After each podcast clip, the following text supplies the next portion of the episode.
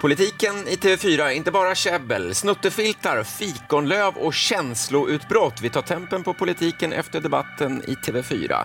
Statsminister Magdalena Andersson vill bli landsmoder och Kristersson ägnar sig åt miljöpartikoppleri. Dessutom om veckans utspelsbonanza. Du ska veta hut när du är här. Punkt. Fru talman, nu har Ulf Kristersson fått allt om bakfoten. Vem är jobbar med högerpopulistiska Vem är Bru? Det här handlar om Sveriges bästa. Det här handlar inte om Annie Lööf. We shall overcome. Ha en krampaus. Håll truten på dig Carl Bildt. Det är bara käbbel.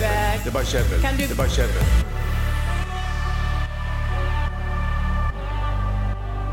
Ja, politiken i TV4. Det smäller snart. Alla partier, alla politiker kämpar stenhårt om att trycka sig själva över mållinjen på söndag. Som vanligt eh, så är det ju eh, slutspurten som alla är så taggade för, nästan övertaggade får man säga. Här i vår poddstudio, Ann Tiberg, Jens B Nordström, våra politikkommentatorer här på TV4. Jag heter Johan Macéus. Kul att ni tittar eller lyssnar på vår podd. Och vi tänkte börja med partiledardebatten som Ann Tiberg ledde med Jenny Strömstedt igår. Eh, och det var inte riktigt helt lätt arbete får man säga, eh, att hålla reda på våra partiledare så här dagarna före valet. Och nu eh, ber jag om svenska folkets mandat för att visa vad jag kan göra om jag får fyra år på mig. Men det här har inte varit en praktiktid, Magdalena Andersson. Du har lett det här landet i åtta år. Du har varit finansminister innan du blev statsminister. Du var gärna bakom Busch. Stefan Löfvens prioriteringar. Okej, Hur kan Magdalena du se Andersson, du får svara på det. mammorna- Hur kan du se mammorna i Ebba ögonen, Busch. de mammorna som begraver sina barn och inte svara på detta? Vad krävs? Du kan sitta bort. Du kan Ebba Busch. ignorera mig. Ebba Du kan inte Busch. ignorera de Ebba här mammorna Busch. mycket längre tid. Nu räcker det. Magdalena Andersson. Ja, och hon eh, pratade, svarade med lågaffektivt bemötande. Det var statsministerns eh, förklaring där. Ann Tiberg, hur, hur var det att hålla ordning på partiledarna? För att det är, det är mycket som står på spel just nu. Ja, det här var inte lätt faktiskt. Och det är ju en eh, eh, avvägning man får göra. För man vill ju ändå eh, att det ska vara lite debatt. Men det måste ju också finnas någon sorts respektfullt eh, tilltal och man behöver ju hålla tiderna på någon, någon. Det måste finnas någon sorts ordning i samtalet, tycker jag då som gillar att sortera. Man blir nästan rädd, Jens. Eh, Tur att vi inte är eh, eh, Ann Tibergs barn, för vilken utskällning man förmodligen hade fått om man råkar...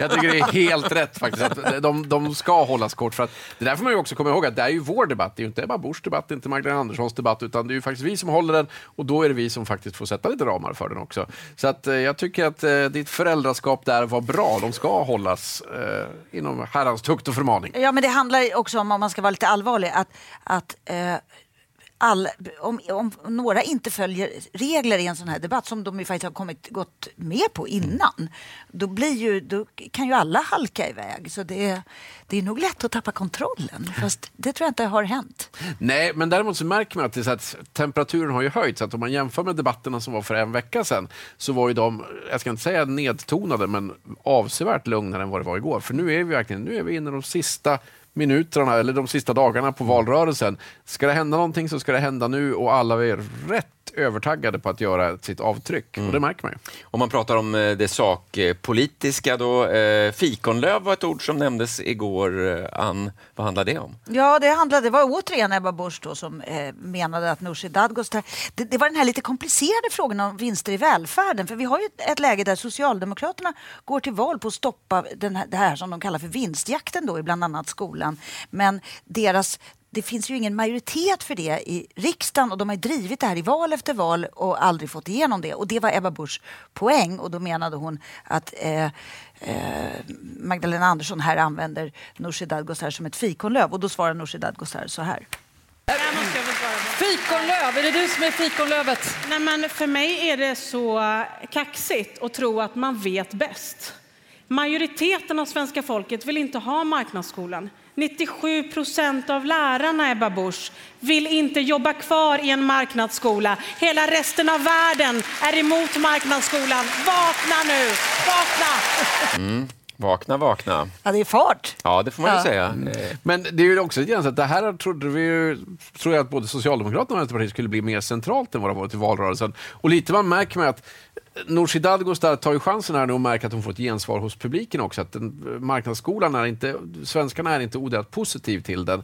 Och det märker man att lite grann så att jag tror att det var, man så här, just ja, det här var en del av vår valstrategi, att vi skulle trycka mer på det här och så kommer de på det lite grann i sista sekunden i valdebatten. Men man ska komma ihåg en sak, att det som är intressant i den här frågan är att vi har har så att säga, haft en debatt i den här som har förflyttat sig från att bara handla om vinster till att i stort sett hela borgerligheten nu kräver kvalitetskrav och en större mått av reglering av eh, skolan.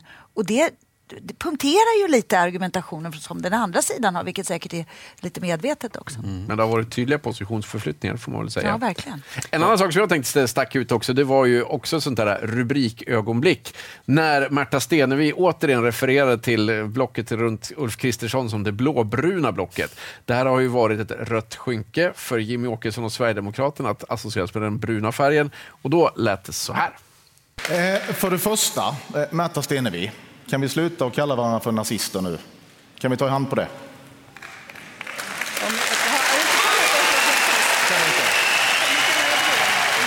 Jimmie Åkesson som räcker fram handen till Märta Stenevi och Stenevi räcker inte tillbaka den handen. Nej, man hörde ju att publiken mm.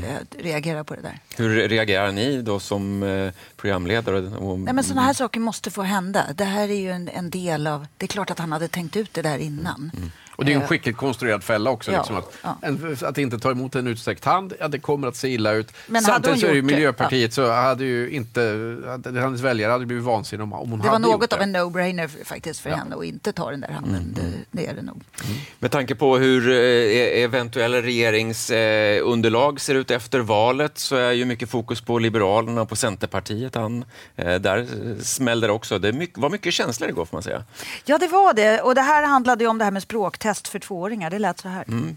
Men det är beklämmande att höra Annie Lööf säga nej till att man ska screena ungar och se att de har inte tillgång till det svenska språket. Det är en kärlekshandling de här barnen, ja. men du säger nej till det. Det är fruktansvärt. Johan Persson, en kärlekshandling hade varit att lägga förslag om ett språklyft för förskollärare, att säkerställa en allmän förskola från två år, inte att införa språktest på barn i utsatta områden och som du har gjort i artiklar hota med att socialtjänsten ska... Man måste se till att barnen får hjälp. Inte genom Det finns tvång. inga föräldrar som inte vill att sina barn ska lära sig svenska. Barn måste ju kunna svenska för att bli integrerade i det här landet, annars lever de i ett evigt utanförskap. Varför tycker du inte om svenska språket? Mm sa Liberalernas Johan Persson och Annie Lööf eh, svarade där. Vad, vad, kan man säga om, om de här positionerna och eh, vad, vad, har vi framför oss, eh, tror du? Det där var ganska bra debatt. Det var, var en ganska stark eh, tydlig motsättning mellan de två liberala partierna, eller hur? Det var ganska ja, tycker, spännande. Det som är så intressant också, att det är här, här märker man faktiskt den här breda mitten som Annie Lööf älskar att prata om. På något sätt finns det ju att det är ju flera som gör anspråk på den, ja. men har helt olika ingångar vad den breda ja. mitten ska vara för någonting. Ja, och vad liberalism är. Är det att man så att säga eh, använder samhällets medel för att faktiskt eh, ök, hjälpa till att öka människors frihet? Eller är det, som Annie Lööf är mycket mer ute efter, att, att man, eh, det, det, det, ska finnas där men man ska inte ta till samhällets så att säga, tvångsmedel? Det är väldigt intressant faktiskt. Nej, det, jag tycker det är väldigt intressant att just att vad är att vara liberal? Och det här blir ju en avgörande fråga i valet också. Att liksom, de här liberala väljarna, vilken sida av strecket hamnar de på? Går de till Centern eller går de till Liberalerna? Och det kommer ju förmodligen att avgöra en rätt stor del av det här valet. Mm. Vi kunde fyllt hela podden med höjdpunkter från, eh, från den här partiledardebatten igår, men nu har vi inte lyssnat, varken i podden här i alla fall, på, på eh, de bägge statsministerkandidaterna som ju drabbar samman här i TV4 eh, på lö ikväll. På lördag, på lördag, kväll. På lördag kväll. Eh, men eh, vad kan du säga, eller vad säger ni om, om deras respektive insats i, eh, i den här partiledardebatten? Ja, det lämnar jag med varm hand till dig, Jens. Nej, men alltså, jag tycker det är intressant. De var väl kanske de som kom igenom minst i debatten. Det här var en debatt som gynnade de mindre partierna. Och Det tror jag har lite grann att göra med de strategier de har valt. Att både Ulf Kristersson och Magdalena Andersson vill ju inta någon slags presumtiv statsministerroll, vara lite mer statsmannamässig. Och då är det svårt att ge sig in i det här battle royale som Eskilstuna kanske ändå blev, där det var alla mot alla. Och Då fick de en mer tillbakadragen position båda två. Och eh, jag har suttit och funderat på vad partistrategerna på de bägge kanslierna tycker om detta. Var det här, blev det här bra eller inte? Mm. Men det är ändå en medveten strategi som jag tror gjorde att de hamnade i den rutan.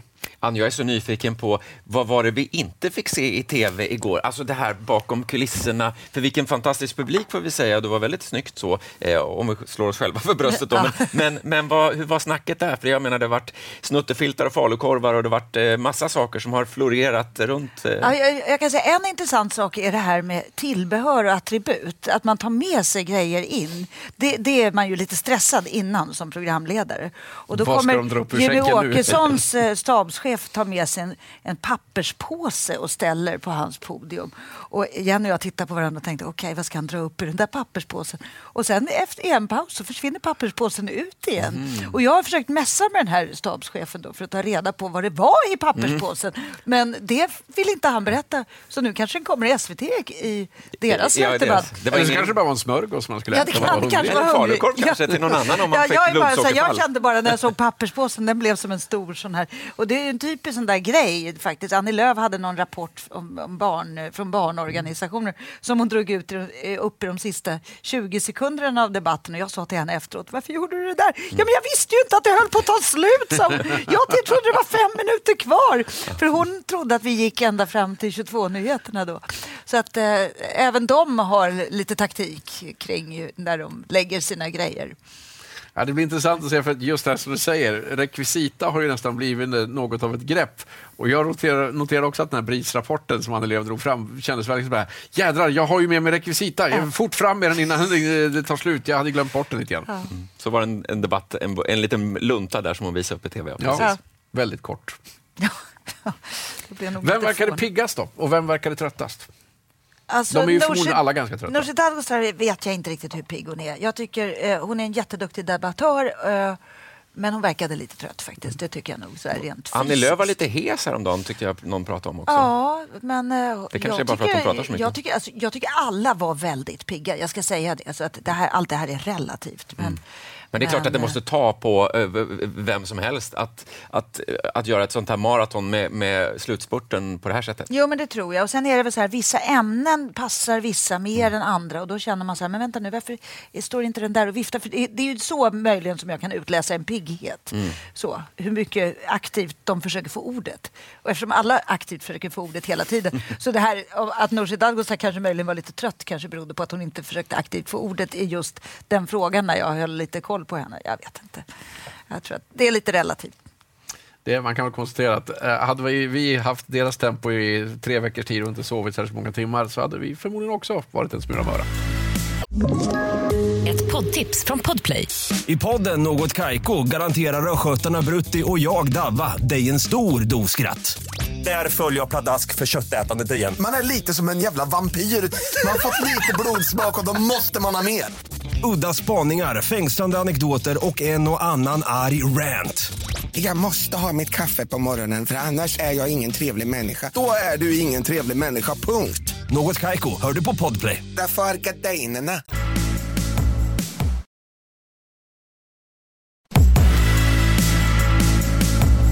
politiken i TV4, inte bara käbbel, där vi tänkte reflektera över Socialdemokraternas allt hårdare ansträngningar att göra sin partiledare till, till landsmoder, alltså en, en ledare som håller ihop landet i de här tuffa kristiderna. Ja, vi vill frikoppla gaspriserna från elpriserna.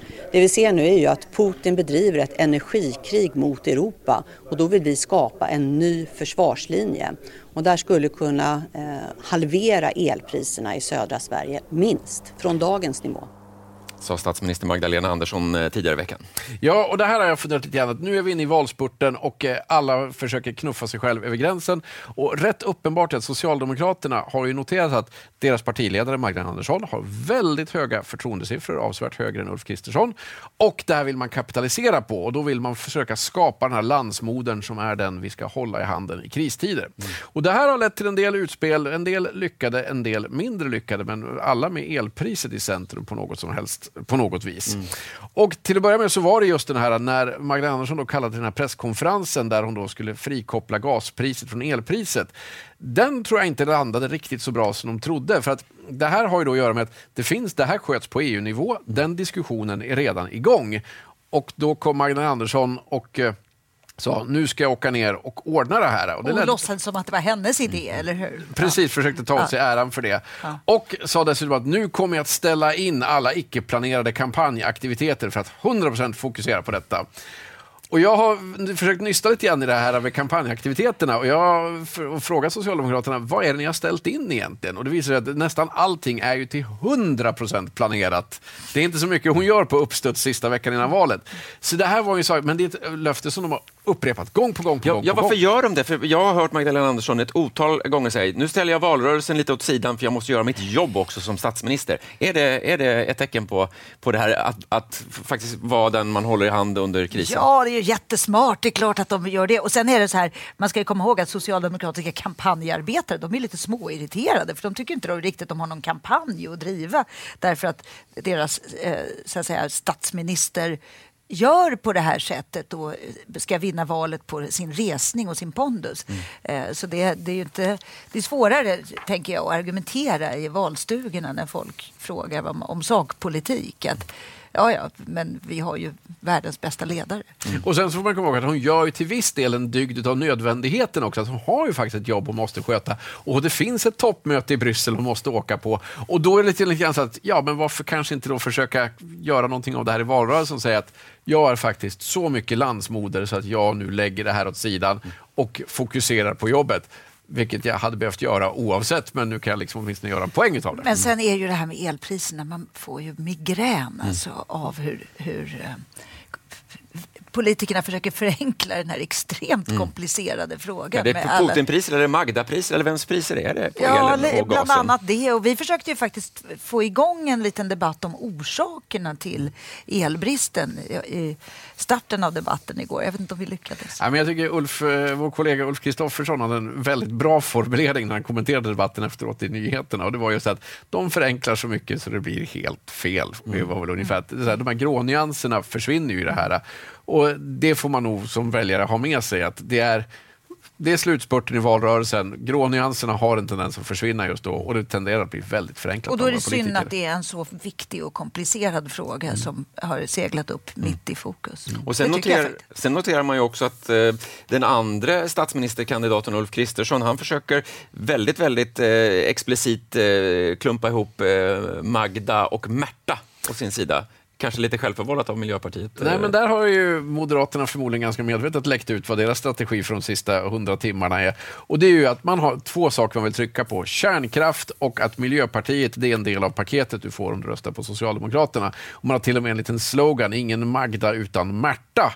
Eh, och där finns ju då tanken att det är många socialdemokrater som inte är riktigt lika förtjusta i Miljöpartiet och då kanske kan skrämmas över till det andra blocket genom den här sista minuten-kampanjen. Och det här skulle upprepas i alla debatter, men jag tyckte inte jag hörde honom säga det i debatten igår. Jag var lite... Kärnkraften tyckte jag fick in, Ja, men just den här lite. koppla, att koppla ihop Miljöpartiet, Nej, där har de inte att, eh, riktigt lyckats.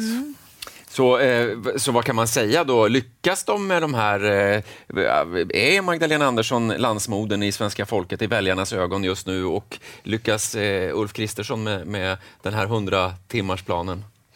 Jag tror inte att Magdalena Andersson är landsmoder på grund av det som har skett den här veckan. Snarare så har det kanske lite grann punkterat det eftersom att de har inte landat helt klockrent. Men däremot så har hon ju iklätt sig den rollen tidigare under pandemin och det har hon nog med sig på pluskontot in. Och jag tror också att våra Nu vill jag faktiskt påminna om det här med pandemin, för det tycker jag är lite... Hon har ju inte varit statsminister under pandemin. Nej. Men igår lät det ju som att hon hade varit statsminister i, Förutom när hon ville i ha åtta fyra år, lett Ja. landet genom en pandemi. Det är ju inte korrekt faktiskt. Det var ju lite, lite roligt att hon gjorde det och att ingen hakade på där. Det var bara när hon ville ha fyra år till att Ja. genomföra sin politik. Ja. Då Ja. hade hon gjort nio Ja. månader. Ja. Mm. Så det där går ju lite grann fram och tillbaka. Men eh, det man kan konstatera är att hon har haft väldigt höga förtroendesiffror. Just eftersom att hon har varit en ganska central del i pandemihanteringen, även som finansminister. Då. Men eh, däremot så, den här koppla ihop Socialdemokraterna och Miljöpartiet. Det blir intressant att se hur det utvecklar sig som strategi om det här faktiskt ger det genomslag de har eh, hoppats på. Eh, och om de lyckas komma ihåg att trycka på det. För att jag håller med, i gårdagens debatt var det inte jättemycket av det. Nej, verkligen inte. Eh, när valet eh, närmar sig med eh, stormsteg så gäller det liksom att bryta igenom mediebruset, att eh, visa väljarna att eh, ens eget parti är handlingskraftigt. Hur gör man det bäst, eh, tänker jag Jens? Kanske genom att skicka ut allt man har, eller? Är det... Det är ju ganska olika strategier. Vi har ju verkligen, den här veckan har ju varit helt bananas får man ju säga som reporter. Det är liksom, telefonen är liksom, surrar konstant utav mer eller mindre genomtänkta politiska utspel. Men där är det ju lite olika. Att en del partier lägger ju verkligen en bombmatta. Nu ska allt ut. Saker som vi tidigare tyckte var för dumma för att föreslå är nu helt plötsligt fullt legitima och plocka fram ur byrålådan.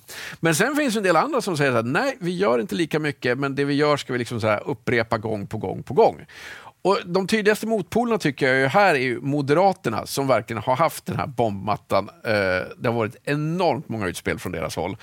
Och Sverigedemokraterna som inte alls har gjort lika mycket utan har snarare tryckt på att vi har en tandvårdsreform och den tänker vi tjata oss blå om. Så det är Men har du gjort en utspelstoppen här så att du har eh, statistik på det här? Det måste du ju rimligen ha eftersom du är Det här är manualdrottningen gammal ekonom. Ja, nej, det, det, här är, det här är en eh, högst, eh, lokalis, en högst lokal undersökning i min egen sms-skörd. Ja, okej. Men jag tror att det är rätt många som skriver under på den. Och det, det roliga är att när jag pratade med partierna så... så Jag ber bara om belägg. Det är, Ja, är ju ja, ja. rimligt Vi- Ska vi ge lite belägg? Vi klippte Ja. ut bara några slumpvis utvalda utspel från den gångna veckan.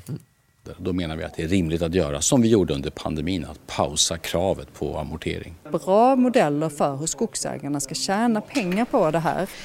Eh, om man lever i ett utsatt område får möjligheten att möta svenskar tidigare. Några enkelt formulerade punkter om en, vissa saker som måste uträttas. Vår uppfattning är att Sverigedemokraterna är ett parti som i säkerhets och utrikespolitiska frågor visat upp opolitlighet. Ja, Sist här Peter Hultqvist som stod på Sveavägen då, inte i pressrummet, för i pressrummet där har det varit liksom kö, har jag förstått Jens. Nej men så är det ju att eh, det, det har ju verkligen varit en in, en ut. Att liksom ett, de har 30 minuters block i pressrummet i riksdagen och då är det ofta så att liksom nästa parti står liksom och trampar där utanför. Med sina lite- vepor som de håller på att dra Ja, upp och precis. ner. Vi gjorde det i något inslag någon gång. när de på att dra upp och ner med de där Men, men det här ledde till en del rätt roliga, en rätt rolig felsägning av Per Bolund som då liksom står och ska försöka avrunda sin presskonferens och Moderaterna står och trampar där ute. Och så går Per Bolund ut och slinter med tungan och säger jaha, är det ni som ska ta över nu? Och Moderaterna säger upp jajamensan! och så finner sig på Bolund och säger rummet. Inget annat än rummet.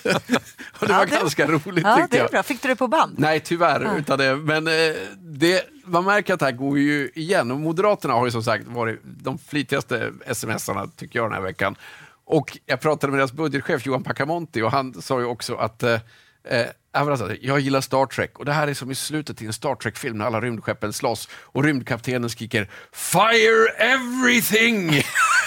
Och det är, lite så, det är inte läge att spara på utspelstorpederna den här veckan. Det, är, det är nu de ska ut eller inte. Ja, jag kan Men- säga att vi som hållit på med utfrågningar och debatter, vi har varit så här, ja, vänta nu, vad är det senaste som har hänt? För att varenda, det är rörlig materia, allting som man håller på med. För man försöker förutsäga vad de ska svara Mm. eh, och vad de tycker och hur man ska eh, bolla folk mot varandra. Vänta, och ni- när de då ändrar sig hela tiden eller kommer med ny politik så blir ju det ganska knivigt faktiskt. Men ni är ju heltidsanställda för det här. Hur, hur är det för väljarna då när man utsätts för all den här... Väljarna borde också vara heltidsanställda Ja, ja. för att bara rösta, åtminstone sista veckan. Det tycker jag är ett rimligt krav. Ja, en- en- en- det är ett vallöfte det är som inte jag skulle vilja familjeveckan, avge. utan det är röstningsveckan. Röstningsveckan. Sätt dig in i familjeveckan, gör en röstningsvecka. Exakt. sådär. Nej, men, äh, det, det där är ju ett problem och framförallt elprisfrågan har ju varit den, för den är inte särskilt ideologiskt laddad utan där har ju partierna snott Men friskt laddad från, ändå, ha. Ja, ja. Jo, nej, men, men partierna har ju snott friskt från varandra. Att det verkligen är så här, det som ett parti kommer med 48 timmar senare så har alla andra partierna föreslagit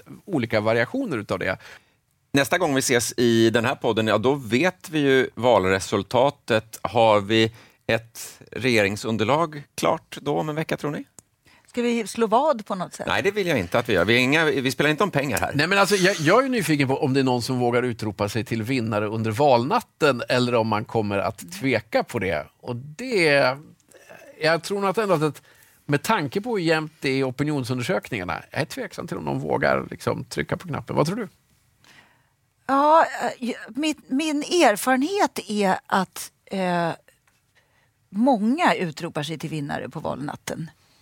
Så var det i förra valet. Mm. Då var det ju egentligen ingen entydig vinnare men det var flera stycken som ändå Som ansåg sig. Mm. hade vunnit valet. Och det kan man ju, en valvinst är ju ofta om du har gått framåt i förhållande till förra valet. Så att det, det kan ju Ja, räcka. det är definitionen, själva ja, definitionen precis. av vinst. Det är ju ja. många som definierar. Jag ställde faktiskt frågan till Baudin, Tobias Baudin vad är definitionen av att ni ska vinna valet? Mm. Ja, det är att vi går fram jämfört med förra. Så att det kan man ju snegla lite på om man undrar vilka som kommer ut ropa sig till vinnare. Men Mm. några klara besked om vem som bildar regering, det är inte säkert att vi får. Är- alltså, just här, liksom, de två partierna som hoppas få statsministerposten. De tror jag inte är säkra på att de vågar säga på natten där. De ska ju ha en tydlig majoritet i ryggen då. Och det, ah, En sak som tror jag vi kan vara säkra på, det kommer sträckas ut en och annan hand under valnatten. Mm. Eh, sådär i bildlig bemärkelse. Det Det blir spännande. Det kan vi väl i alla fall eh, vara ense om. Vi sitter Eh, här om en vecka, vi har inget färdigt resultat. Så är det Två allt. veckor, tre veckor. Men det blir spännande för nu får vi liksom facit också. Vi allt så här, var det smart att göra bombmattor över sista veckan? Var det smartare att liksom fokusera på ett budskap? Det är så mycket som vi liksom nu får veta. Landsmoderstrategin, funkade den? Ja. Ja, Frågorna är vad så roligt många. vi ska ha det. Tack så mycket Ann Tiberg, Jens B Nordström här i studion. Tack för att ni eh, lyssnat eller tittat. Eh, ni vet väl att eh, Inte bara käbbel finns på TV4 Play om ni vill se oss. Eller så lyssnar ni bäst eh, där poddar finns. Eh, tack för idag och glöm inte, gå och rösta på valet i valet. på söndag. Podplay. Ett poddtips från Podplay. I fallen jag aldrig glömmer djupdyker Hasse Aro i arbetet bakom några av Sveriges mest uppseendeväckande brottsutredningar.